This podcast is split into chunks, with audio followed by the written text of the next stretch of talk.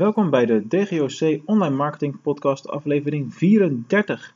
In deze korte aflevering krijgen jullie een aantal praktische tips in de vorm van een do en een don't van co-auteur Laszlo Graven van het boek Succes met e-commerce. Veel plezier! Mijn naam is uh, Laszlo Graven en uh, ik heb het hoofdstuk uh, geschreven over Google Analytics. Um, ik ga nu een korte tijd vertellen um, over wat de beste do's en don'ts zijn voor Google Analytics voor beginners.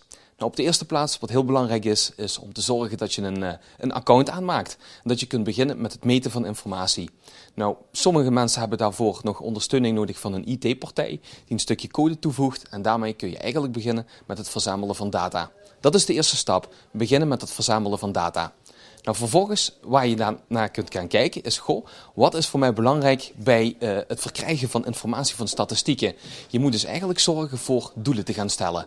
Nou, een doel kan bijvoorbeeld zijn: ik wil meer bezoekersaantallen op mijn website krijgen. Maar wat misschien veel interessanter is, is om te kijken hoe je meer verkopen kunt genereren. Meer inschrijvingen op nieuwsbrieven of bepaalde whitepapers of documenten die je aanbiedt, hoe je die kunt gaan downloaden.